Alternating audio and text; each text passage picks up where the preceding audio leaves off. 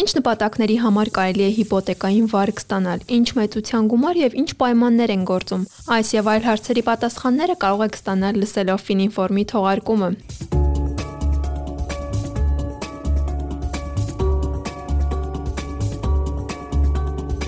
Բարև ձեզ Armen Press-ի սիրելի ունկնդիրներ։ Ձեզ հետ լրատվական գործակալության թղթակից Աննա Գրիգորյանն է։ Ֆինինֆորմի շրջանակում հիպոթեկային վարկերի մասին զրուցելու ենք Կենտրոնական բանկի սպառողների շահերի պաշտպանության եւ ֆինանսական կրթման կենտրոնի փորձագետ Արաքս Մանչարյանի հետ։ Արաքս, շնորհակալ եմ կրկին մեզ հյուրընկալվելու համար։ Ողջույն Աննա եւ սիրելի ռադիո ունկնդիրներ, ես ինքս եմ շատ շնորհակալ եւ ուրախ որ այստեղ եմ։ Մանավանդ երբ գիտեմ ինչքան լավն են եղել արձագանքները ձեր ոդկասթներից։ Շնորհակալ եմ շատ։ Եվ այս Այսպես անցնենք թեմային, ինչ նպատակի համար կարելի է հիպոթեկային վարկ ստանալ, արդյոք միայն բնակարան գնելու համար։ Մինչև բուն հարցին պատասխանելը կուզեի ասել, որ շատ հետաքրքիր ստացվեց, որ հենց այս թեման ես կներկայացնեմ, որովհետև ինքս ունեմ հիպոթեկ։ 4 տարի առաջ ձեռք բերված հիպոթեկը իմ երրորդ վարկն էր, առաջին վարկը դեռ ուսանողական տարիներին պետք եկավ համակարգիչ գնելու եւ աշխատանք սկսելու համար։ Երկրորդ վարկով ես ճամփորդեցի Գերմանիայում գնացի իմ սիրելի խմբի Pink Floyd-ի մենակատարներից մեկի համերգին եւ երրորդ վարկով ձեռք եմ բերել արդեն տունս, որտեղ բնակ ստիպվում եմ։ Այնպես որ այսօր կխոսենք հիպոթեկային վարկերից, նաև պրակտիկ տեսանկյունից կփորձեմ օգտակար լինել։ Ինչ նպատակով կարելի է ձեռք բերել հիպոթեկային վարկ, ոչ միայն բնակարան գնելու, ինչը ամենատարածվածն է, այլ նաև կառուցելու, վերակառուցելու, վերանորոգելու, բարեկարգելու եւ արդիականացնելու համար կան հիպոթեկային վարկեր։ Ինչպես կարելի է հիպոթեկային վարկ ձևակերպել, ովքեր կարող են ձևակերպել եւ հիպոթեկային վարկ ստանալու համար ավելի խիստ թե ավելի մեղմ պայմաններ են գործում՝ ի տարբերություն մյուս սպառողական գուցավարկերի։ Հիպոթեկային վարկ կարելի է ձեռք բերել բանկերից եւ վարկային կազմակերպություններից, իսկ թե ովքեր եկամուտ ունեցողները կարող են ստանալ, ովքեր կարող են կատարել համապատասխան մարումներ ամենամիս կամ ինչ-որ բարբերականությամբ եւ նրանց վարկունակության պայմանները համապատասխան կլինեն բանկերի վարկային կազմակերպությունների սահմանած դրույթներին Իսկ թե որոնք են այդ պայմանները, սահմանվում են հենց բանկերի վարկային կազմակերպությունների կողմից, ինչպես նաև վարկավորման հատուկ ծրագրերի դեպքում այդ ծրագրերով են սահմանվում։ Սպառողական վարկերի համեմատ հիպոթեկայինների պայմանները ավելի խիստ են։ Օրինակ, թե վարկի ամսական մարումը ձեր եկամտի որ մասն է, դա ստուգվում է, եթե դուք օրինակ բերեմ, ամսական 200.000 դրամ պետք է մուծեք հիպոթեկի համար, ապա բանկը վարկային կազմակերպությունը նայում է, որ դուք մոտավորապես ամսական 400.000 1000 դրամ գոնե եկամուտ ունենաք։ Ըստ բանկերի ծրագրերի վարկայինների այդ պահանջը կարող է մոտավորապես լինել 350.000-ից 600.000 դրամ, թե ինչքան եկամուտ պետք է լինի ձեր ամսական եկամուտը։ Կան նաև հատուկ ծրագրային վարկեր տարբեր թիրախային խմբերի համար, զինծառայողների, երիտասարդների համար եւ այլն։ Իսկ ինչ վերաբերում է այդ պահանջներին ավելի մանրամասն ներկայացնեմ, անգլերեն կոչում ենք 5C, 5C-երով է որոշվում։ Առաջին ասեմ capacity-ն, ունակությունը, որը եկամուտն է արդեն նշեցի, երկրորդը character-ն է, բնավորությունը, նայվում է վարկային պատմությունը, թե լավ եք մուծել մինչև հիմա ունեք ուշացումներ եւ այլն։ Collateral ինչ գրավ կա, այս պարագայում հենց տունը կարող է լինել կամ կառուցապատվող գույքը, հողը եւ այլն։ Եթե կանխավճարը քիչ լինի, դեպ կարող են այլ գույք եւս պահանջել, որպես գրավ։ Capital-ն է հաջորդ սին, թե ինչ կապիտալ ունեք եւ conditions այսպես կոչված պայմաններ կարող են նայել օրինակ ձեր հոգացության ներքո ով կա, ձեր աշխատանքը կայուն է թե ոչ, իսկ եթե ոչ, ապա ինչպես կարող եք լրացնել եւ այլ հանգամանքներ։ Այսինքն կարելի է ասել, որ մի փոքր ավելի խիստ պայմաններ։ Այո, միանշանակ։ Նայած ինչ վարկի է համեմատած, եթե սպառողական սպառողականի համեմատ, այո, ավելի խիստ պայմաններ են գործում։ Եվ ինչ ժամկետով են տրամադրվում հիպոթեկային վարկերը ու առավելագույնը որքան գումար կարելի է ձեռք բերել հիպոթեկային վարկով։ Սկսեմ վերջից, կարող է բնականի ընդཐུպ ամբողջ գումարը ֆինանսավորվել հիպոթեկային վարկով։ Այստեղ արդեն պետք է նայել բանկի պահանջներին։ Որպես կանոն, խոշոր կանխավճարի պահանջ է գործում որքան բարձր կանխավճար եք տալիս, այնքան հավանականությունը մեծ է, որ կստանաք վարկը։ Գրավ է դրվում հենց տունը, երբեմն պահանջում են երկրորդ գրավ, երբ քիչ է կանխավճարը։ Եթե տվյալ տունը դեռ պատրաստ չի, ապա բնականի կառուցման համար նախատեսված հողամասը, անավարտ շինարարության եւ գրավատուին պատկանող շինարարության համար ձեռք բերված նյութերն ու սարքավորումները կարող են լինել։ Ինչ վերաբերում է ժամկետներին, ապա 3-ից 30 տարի կա Հայաստանում, դե parz է որ վերանորոգման համար ավելի քիչ ժամկետ կգործի, օրինակ 3, իսկ ձեռք բերելու համար միջինում Հայաստանում 10-ից 20 տարի է հիմնականում։ Բայց այստեղ կուզեի խոսել նաև այն մասին, որ կարող եք հիպոթեքը ժամկետից շուտ էլ մարել, պարտադիր չէ սпасել այդ 20 տարում անպայման մարել։ Իսկ թե ինչ պայմաններով է լինելու այդ կոչմենք վաղաժամկետ մարումը, կրկին պետք է կարդալ վարկային պայմանագրում եւ նաեւ օրենսդրական սահմանափակումներ կան։ Ասեմ, որ հիպոթեքային վարկ տրամադրող կազմակերպությունը իրավունք ունի ձեզնից գանձելու միանվագ տուգանք, եթե շուտ մարեք բայց կան առավելագույն սահմանաչափեր։ Օրինակ, եթե առաջին տարում կատարեք վաղաժամկետ մարումը, ապա այդ մարման գումարից 0.6%-ով է լինելու այդ տուգանքը։ Եթե երկրորդ տարում 0.4, երրորդ տարում 0.2, չորթից այլևս չկա, օրինակ բերեմ հասկանան մեր սպառողները ինչ չափի գումարի մասն է խոսքը։ Օրինակ, վարկի մարման երկրորդ տարում, եթե 500.000 դրամ ուզում եք հավելյալ մուծել ժամկետից շուտ, որpիսի մայր գումարը նվազի, տոկոսները վերահաշվարկվեն, նվազեն։ Այս դեպքում այդ 500 հազարի 0.4%-ը մուծում ենք որպես տուգանք, որը կազմում է 2000 դրամ։ Բայց կան նաև դեպքեր, երբ չի գանձվում որևէ տուգանք։ Այդ մասին օրենքը կարող է ասել, թե որ դեպքերում կլինի, կարող են մեր սպառողները դիտարկել բանկային հիպոթեկային կրեդիտավորման մասին օրենքը։ Այսինքն տուգանքը գանձվում է բանկի հայեցողությամբ, թե օրենքի պարտադիր պահանջ կա օրենքը ասում է, որ կարող է, իսկ թե կսահմանի, չի սահմանի, դա արդեն կլինի բանկի վարկային կազմակերպության ներքին որոշման հարցը։ Իսկ ինչ պատճառաբանությամբ, ինչ հիմքով է գանձվում։ Հետաքրքիր հարց է,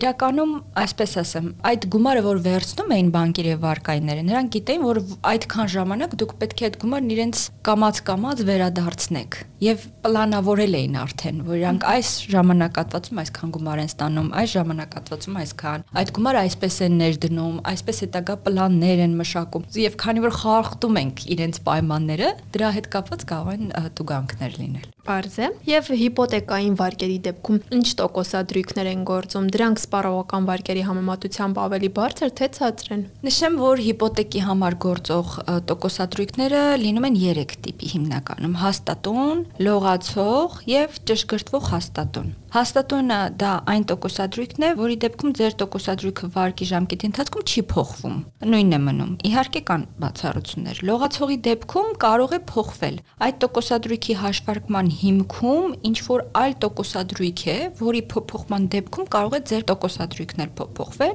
Օրինակ, եթե հիմքում վերաֆինանսավորման տոկոսադրույքն է, եթե այն բարձրանում է, դրանից հետո հիպոթեկային վարկի տոկոսը եւս կբարձրանա։ Թե Libor-ն է, Լոնդոնի արդեն rate-ը, այդ դեպքում ելի կարող է բարձրանալ կամ իջնել։ Իսկ թե առավելագույնը որքան կարող է փոփոխվել այդ լողացող տոկոսադրույքը, գրվում է տեղեկատվական ամփոփագրերում, նաև պայմանագրերում, ասեմ ինչ է տեղեկատվական ամփոփագիրը, դրանք կայքերում բանկերի վարկային կազմակերպությունների տեղադրված նյութերն են կոնկրետ վարկի վերաբերյալ կամ կարող են լինել նաև բուկլետի, բրոշյուրի, թերթոնի տեսքով, որ կարող եք ստանալ հենց տեղում, բանկում կամ վարկային կազմակերպությունում։ Պետք է այստեղ հավելեմ, որ եթե այդ լողացող տոկոսադրույքը փոփոխվում է, ձեզ պետք է որպես պարող ծանուցեն։ Մեկ ամիս շուտ դուք պետք է տեղյակ լինեք։ Միգուցե նրանք ձեզ օրինակ էլեկտրոնային նամակ գրեն եւ ասեն, որ այսօրից սկսված ձեր տոկոսադրույքը փոփոխվելու է։ Նաեւ այնտեղ նշեցի, որ կա հաստատուն, բայց ճշգրտվող տոկոսադրույք։ Սա էլ հետաքրքիր միքսն է, խառնուրդն է նախորդ երկուսի,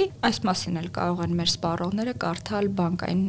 հիպոթեկային կրեդիտավորման մասին օրենքում։ Իսկ ինչ չափով կարող է ճշգրտումը լինել, էական տատանումներ կարող են լինել սպառողի համար, վարկառուի համար։ Կարող են դիտարկել իրականում տարբեր են։ Ես տեսել եմ դեպքեր, երբ պլյուս-մինուս 1.5%-ից չի կարող անցնել, եւ նաեւ տեսել եմ դեպքեր, որ գործող տոկոսադրույքի կրկնապատիկը չի կարող անցնել, այսինքն եթե 12% է, 24 մինչև կարող է եւ գնալ։ Սակայն այս դեպքը եւս ֆիքսվում է պայմանագրով։ Այո, ասեմ, որ իդեպ որքան առաջ կարող է գնալ, այդքան էլ հետ կարող է գնալ գնալ, օրինակ եթե 12-ին 7% հավելվի դառնա 19%, միևնույն ժամանակ այդ 12% կարող է դառնալ նաև 5%, այդքան էլ մինուս իջնել։ Իսկ այս լողացող տարբերակը Հայաստանում շատ է կիրառվում։ Հիմնականում սա էլ կիրառվում է, ասեմ։ Հանդիպածներից հիմնական ծրագրային վարկերն են, որ հաստատուն կամ ճշգրտվող հաստատունով են գործում, իսկ բանկերը իրենց ռիսկերը կարգավորելու համար, քանի որ հասկանում ենք, որ շուկան շարժվի, այնտեղ էլ պետք է իրենք շարժվեն։ Եվ հիպոթեկ հիպոթեկային վարկը երկարաժամկետ վարկ է, դժվար կլինի շատ ճշգրիտ ասել, գիտես, ես 15 տարի հետո էլ քեզնից այսքան եմ վերցնել, ուզում եմ աշխարհի այնտեղ փուլ գա, ուզում եմ ես փուլ գամ, քանի որ դա շատ դժվար է կանխատեսել, դրա համար որևէ բռնվելու տեղ ենք գտնում, հա, որ եթե աշխարհը գնայի սուղությամբ, բանկը եւս կարողանա գնալ այդ ուղությամբ, ավելի ճկուն է դարձնում։ Իսկ կարող ենք կոնկրետ տոկոսադրույքներ նշել։ Եվ կարող ենք, եւ կարող ենք նաեւ միևնույն ժամանակ հանձնարարել, այսպես կոչված, քանի որ ես ուսուցչի եմ, սիրում եմ Մեր սպառողներին խնդրենք, որ իրենք էլ նայեն fininfo.am կայքը, դա ֆինանսական տեղեկատու հարթակն է, որտեղ կարող են մուտքագրել իրենց պահանջները եւ իրենց համապատասխան բերվի արդեն առաջարկները, տեսնեն թե որքան տոկոսադրույքներ են։ Օրինակ կարող են բերել բնակարան երիտասարդներին ծրագրով Երևանում վարկառուի համար տոկոսը կազմում է շուրջ 7.5, իսկ մարզերում 5.5։ Տարբեր, մինչև 12, 13, 14 հանդիպում են մեր շուկայում տոկոսադրույքներ։ Սակայն ամեն րոպե կարող է փոփոխվել, ամեն րոպե իրավիճակը կարող է գլխի վար չէ, բայց շուր գալ եւ տոկոսները եւս ճշգրտվեն։ Դրա համար առաջարկում ենք Fininfo-ից ստանալ թարմ արդեն առաջարկների մասին տեղեկություն։ Եղավ շատ լավ։ Եվ ինչ հատուկ ծրագրեր են գործում Հայաստանում հիպոթեկային վարկերից օգտվելու դեպքում։ Հասանք ծրագրերին։ Կնշեմ մի քանի ծրագրեր։ Առաջինը կանդրադառնամ բնակարան երիտասարդներին ծրագրին։ Ասեմ, որ ծրագրի շրջանակում հիպոթեկային վարկը տրամադրվում է նվազագույնը 10 տարի ժամկետով առաջնային շուկայում, այսինքն նոր բնակարանների համար, երբ հենց կառուցապատողից է ձեռք բերվում 7.5% առանց սուբսիդավորման, երկրորդային շուկայում, այսինքն օգտագործված արդեն գոյություն ունեցող շենքերում առավելագույնը 9.5%, որից պետությունը սուբսիդավորում է 2%-ային կետը։ Այսինքն դառնում է, որ վարկառուի համար մաքսիմումը դառնում է 7.5%։ Իսկ մարզերում տրամադրված հիպոթեկային վարկերի համար մինչև 4% պետությունը սուբսիդավորում է, այսինքն դառնում է առավելագույնը 5.5%։ Ծրագրից կարող են օգտվել այն երիտասարդ ընտանիքները, որտեղ ամուսինների տարիքների գումարը չի գերազանցում 70-ը։ Իսկ եթե կա մայր կամ հայր եւ երեխա, այսինքն երեխա ունեցող երիտասարդ միայնակ ծնողը, ում տարիքը չի գերազանցում 35-ը, եւս կարող է ընդգրկվել ծրագրում։ Շահառուները պետք է ունենան եկամտի բավարար մակարդակ վարկային պարտավորությունների կատարման համար, ինչպես նաև նշեմ, որ այնտեղ մինչև մոտ 28 միլիոն դրամ են տրամադրվում։ Պայմանները կարող են կարդալ մեր սպառողները կայքում HFY Home for Youth.am hfy.am Պայմանները բազմաթիվ են, որոնք կարող են նայել կայքում, օրինակ եթե արքու վաճառքը տեղի ունենում ընտանիքի անդամների միջև, ապա այս ծրագիրը չի կարող այդ պարագայում գործել։ Կա նաև մատչելի բնակարան զինծառայողներին ծրագիրը։ Սա էլ սպայական եւ ավակ ենթասպայական կազմերի պայմանագրային զինծառայողների համար է։ Առավելագույնը այստեղ 10 տարով է տրամադրվում, գումարը 25 միլիոն 650 հազար մինչև, բայց դա ոչ ավել քան բնակարանի արժեքի 90%-ը։ Այսինքն մյուս 10%-ը պետք է կանխավճարի տեսքով տրամադրվի։ Մանրամասները եւս կարող ենք նայել կայքում։ Կա եւս մի ընկերություն, որը տրամադրում է հիպոթեկային հատուկ ծրագրեր, Դա ազգային հիպոթեկային ընկերությունն է, օրինակ ունեն բնակարանային պայմանների եւ էներգոարդյունավետության բարելավման ջերմ օջախ ծրագիրը, որը տրամադրվում է ցածր ու միջին եկամուտով մարդկանց, ովքեր ցանկանում են վերանորոգել իրենց բնակարանը եւ այդ վերանորոգման գումարի 40%-ից ավելին ուղղելու են էներգոարդյունավետ միջոցառումներին։ Օրինակ խնայող կացա են ձեռք բերելու,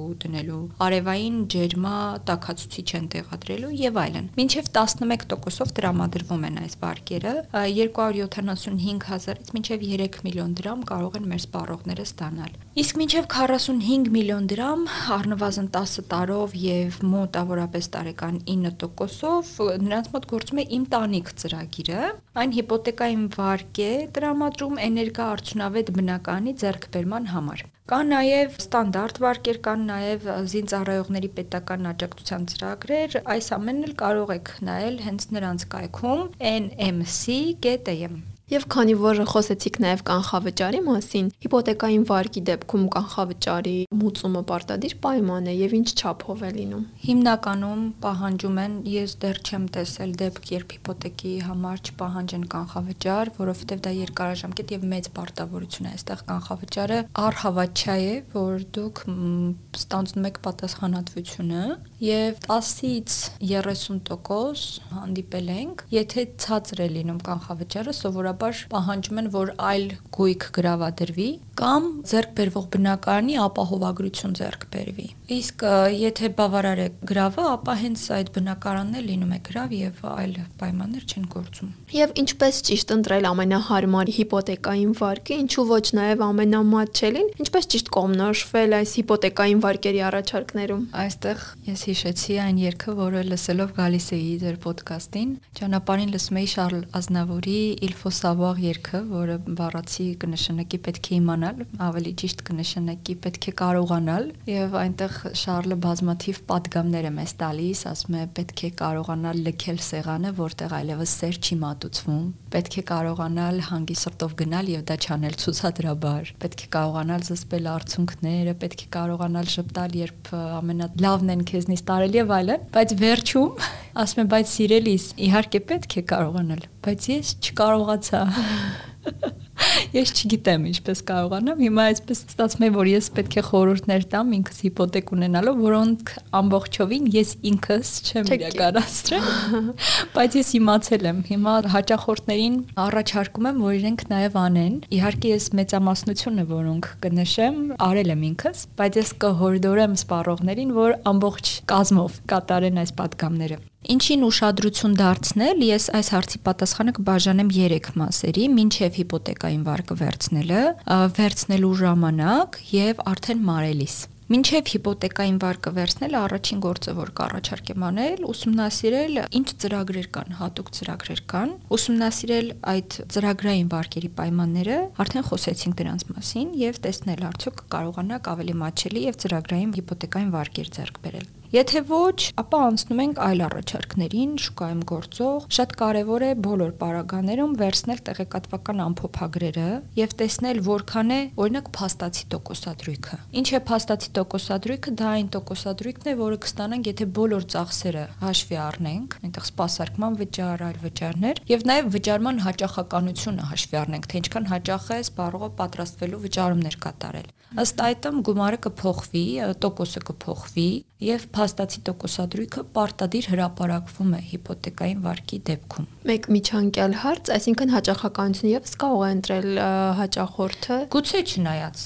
դեպք գրանցվի, այդպես չեմ հիշում, բայց հիմնականում ամսական են հիպոթեկային վարկի մարմինները, բայց եթե գրանցվի հաճախականության տարբերություն, օրինակ կես ամիսը մեկ մուծվի կամ արտոնյալ ժամանակատվածներ կան, այդ ամեն ինչը հաշվի առնելով փաստացի տոկոսադրույքը կփոխվի, անվանականը կմնա նույնը, բայց փաստացին կփոխվի եւ կարեւոր է նշել, որ այդ փաստացին պարտադիր հրապարակվում է եւ տեղեկատվական ամփոփագրերով եւ պայմանագրով պարտադիր պետք է դրան ուշադրություն դարձնել։ Ստուգենք նաև, թե որքան ժամկետով է տրամադրվում, ինչ այլ ծախսեր կան, որոնք չեն մտնում փաստացի մեջ, կարող են լինել ապահովագրության վճար, գնահատման վճար։ Շատ կարևոր է, որ նայել այն ցանկը, ովքեր այդ բանկի կամ վարկային կազմակերպության հետ համագործակցում են ապահովագրական ընկերություններից կամ գնահատողներից, տեսնել արդյոք նրանց պայմանները բավարարում են ձեզ, թե ոչ միգուցե շատ թանկ են կամ չգիտեմ, չեք ուզում իրենց մոտանել։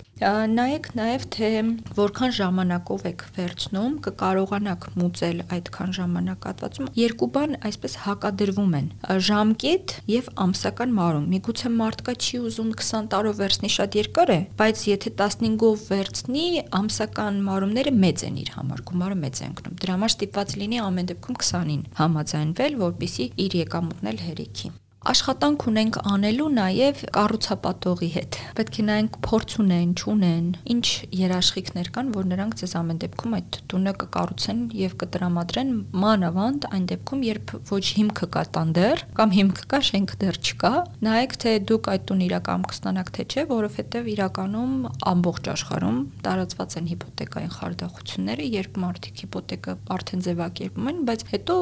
այդ կազմակերպությունը կարող է վերանալ եւ այլն։ Նշեմ, որ պետական ծրագրերի դեպքում պետությունը եւս դառնում է երաշխավոր այն բանի, որ դուք կստանաք այդ բնակարանը։ Հիմա ենթադրենք, թե դուք արդեն ընտրել եք տունը, մնում է վարկը, ունեցած առաջարկները կարող եք գտնել արդեն fininfo.am կայքում։ Հիմա էլ կարող են մեր ռադիոընկերները զուգահեռ բացել fininfo.am կայքը եւ տեսնել, թե ինչ կլիներ, եթե նրանք իրենց երազած բնակարանը հիպոթեկով ցանկանային ձեռք բերել։ Ասենք հաջորդ փուլին դա հիպոթեկը վերցնելու ժամանակահատվածն է։ Պետք է ժամանակ տրամադրենք, քանզի հիպոթեկը երկարաժամկետ վարկ է, որի համար փաստաթղթա շրջանառությունը շատ ավելի երկար կարող է տևել։ Ստացվում է, որ դուք այսպես կոչված ամուսնանում եք այդ վարկի հետ, ուրեմն պետք է իրար լավ ճանաչեք։ Դրա համար ձեզնից շատ փաստաթղթեր կարող են պահանջել, պետք է ամեն դեպքում ազատ ժամանակ գտնել դրա համար։ Կարիք կլինի նոտար գնալու, գրանցումներ անելու, բոլորն ամբողջ աշխարհում այս փուլերով անցնում են։ Դրա համար պետք չէ նյարդայնանալ եւ պարզապես պետք է ժամանակ տրամադրել։ Հաջորդ կարևոր քայլը պայմանագիր կարդալն է։ Գուցե հասարակ բան թվա, բայց դե կարդալել կա, կարդալել։ Քննադատաբար եւ վերլուծաբանորեն է պետք այդ փաստաթուղթը կարդալ։ Ձեզ պայմանագրի նախագիծ պետք է տրամադրեն այն ստորագրելուց դեռ 7 օր առաջ։ Միայն 7 օր առաջ տրամադրած տարբերակը կարող եք ստորագրել կամ չստորագրել։ Դա ձեր կարդալու այդ 7 օրը հասկանալու, գիտակցելու ժամանակահատվածն է։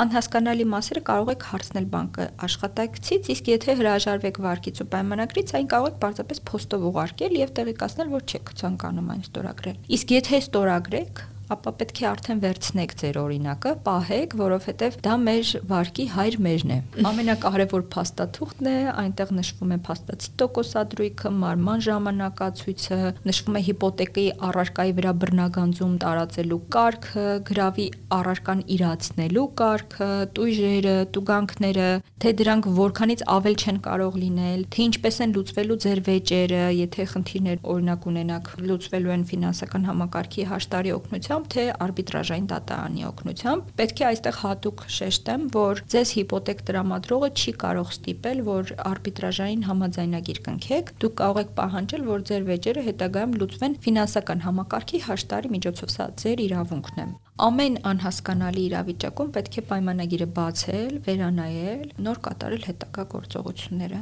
Իսկ եթե պայմաններ փոխվեն, ձեզ այդ մասին պետք է նախապես ծանոթեն։ Եկանք հասանք վերջին փուլին։ Վարկը մարելիս ինչ պետք է անել։ Պետք է լինել պարտաճանաչ եւ ժամանակին ու պատշաճ կերպով կատարել ձեր պարտավորությունները։ Չենք մոռանում, որ վարկի հիմքում կա գրավ, որը հենց տունն է, ինչը կորցնելու ռիսկ կարող է առաջանալ, եթե ուշանցումներ ունենաք։ Էլ չեմ ասում վատ վարկային պատմության մասին, այսպես ձեր վարկային բնավորությունն է վատանում, հետո կարող եք 5 տարի չստանալ վարկ եւ այլն։ Ստուգ եք խաղացքները, ուսումնասիրեք դրանք, դրանք դուք ստանալու եք ամեն հերթական մարումից, երբ պետք է վճարում կատարեք։ Դրանից առնվազն 20 օր առաջ ձեզ ուղարկելու են։ Բացի դրանից տարեկան 4 անգամ էլ կարող եք ձեր նշած ժամանակատվածների համար գնալ եւ ստանալ քաղվածք։ Եթե հիպոթեկի առարկան նորակառույց է, ապա գործում է նաև եկամտային հարկի վերադարձի օրենքը։ Բացատրեմ սա ինչ է, սա շատ սիրելի մաս է նորակառույց բնականներ ունեցողների համար։ Այսպես է աշխատում։ Դուք կարող եք ձեր եկամտահարկի մի մասը հետ ստանալ ամեն երամսյակի վերջում,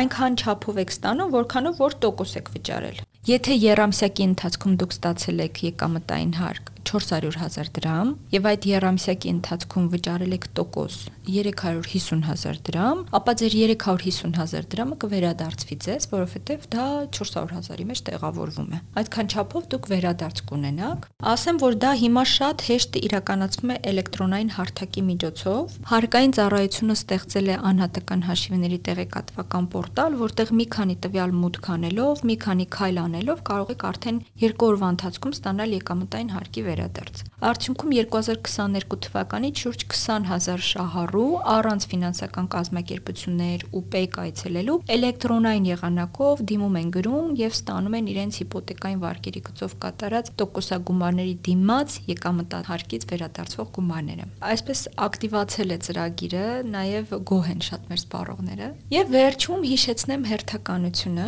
որ եթե խնդիր ունենաք ձեր հիպոթեկի հետ կապված, օրինակ ոտնահարվեն ձեր շահերը, ապա առաջ առաջինը պետք է դիմել ֆինանսական կազմակերպությանը։ Եթե չլուծվի խնդիրը, կարող եք դիմել ֆինանսական համակարգի աշտարին, կարող եք դիմել նաև դատարան, բայց դատարան դիմելուց հետո չեք կարող դիմել այլևս ֆինանսական համակարգի աշտարի գրասենյակ։ Դուք խոսեցիք հիպոթեկային վարկով ձեռք բերված տունը կորցնելու ռիսկի մասին, որ դեպքում կարող է վարկառուն հասնել նման իրավիճակի։ Ինչ հաճախականությամբ, ինչ ժամանակաշրջանով պիտի մարումները կատարած չլինի, որ կորցնի տունը։ Շատ անհատական է մոտեցումը, բայց ասեմ, որ մի քանի օր ուշացումը արդեն գրանցվում է որպես ուշացում եւ վատ վարկային պատմություն է ձևավորվում եւ parberabar դա կրկնվելու դեպքում բանկը տեսնում է ռիսկ, որ այ այս մարդը չի կարողանում մուծել եւ պահանջել, որ միանգամից մեծ չափով գումարը մուծի, այլապես արդեն բռնագանձում կլինի եւ նաեւ ընդհանուր ռիսկ առաջանա տունը կորցնելու։